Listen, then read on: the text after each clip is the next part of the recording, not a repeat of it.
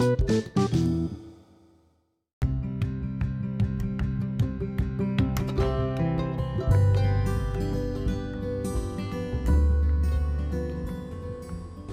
halo, assalamualaikum teman-teman. Kali ini kita bakalan bahas tentang drama kehidupan introvert. Oke, kita langsung aja ya. Buat yang sama-sama introvert kayak aku, pasti 80 sampai 90% drama kehidupannya mungkin sama nih kayak aku. Misalnya, yang pertama, aku nih tipe orang yang sebenarnya pengen banget buat eh, jalan-jalan uh, ke tempat-tempat yang bagus, tempat-tempat liburan yang bagus gitu, yang estetik, instagramable.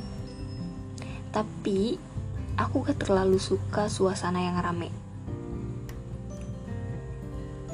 Oh ya, dan aku pernah lihat postingan di beranda IG kayak gini teman-teman isinya. Me inside jadi aku di dalam dan orang-orang di luar. Dan pas aku keluar membaur itu rasanya canggung awkward gitu teman-teman. Makanya aku mending tetap stay di rumah aja gitu nah jadi intinya aku tuh males keluar dan gak suka keramaian ya karena pas aku di luar rasanya awkward. Dan sebenarnya aku juga sering rasa agak gelisah gitu kalau pas di luar. Aneh kan ya?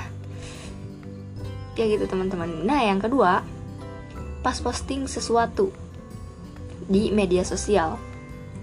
Bener-bener lama banget buat mikir posting apa enggak nih posting apa enggak. Dan pas di post tuh bolak-balik kan lihat notif like sama komennya. Gimana nih malu ada rasa malu ada rasa takut takut di komen yang jelek atau gimana. Sampai keringet dingin gitu teman-teman. Dan ujung-ujungnya nanti dihapus.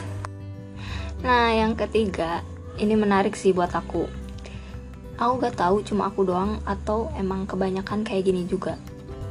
Jadi kayaknya aku tuh selalu jadi satu-satunya introvert di circle pertemanan aku. Tapi sebenarnya lumayan membaur sih sama teman-teman dan nyaman-nyaman aja. Tapi di situasi tertentu itu kadang ada rasa kurang nyaman.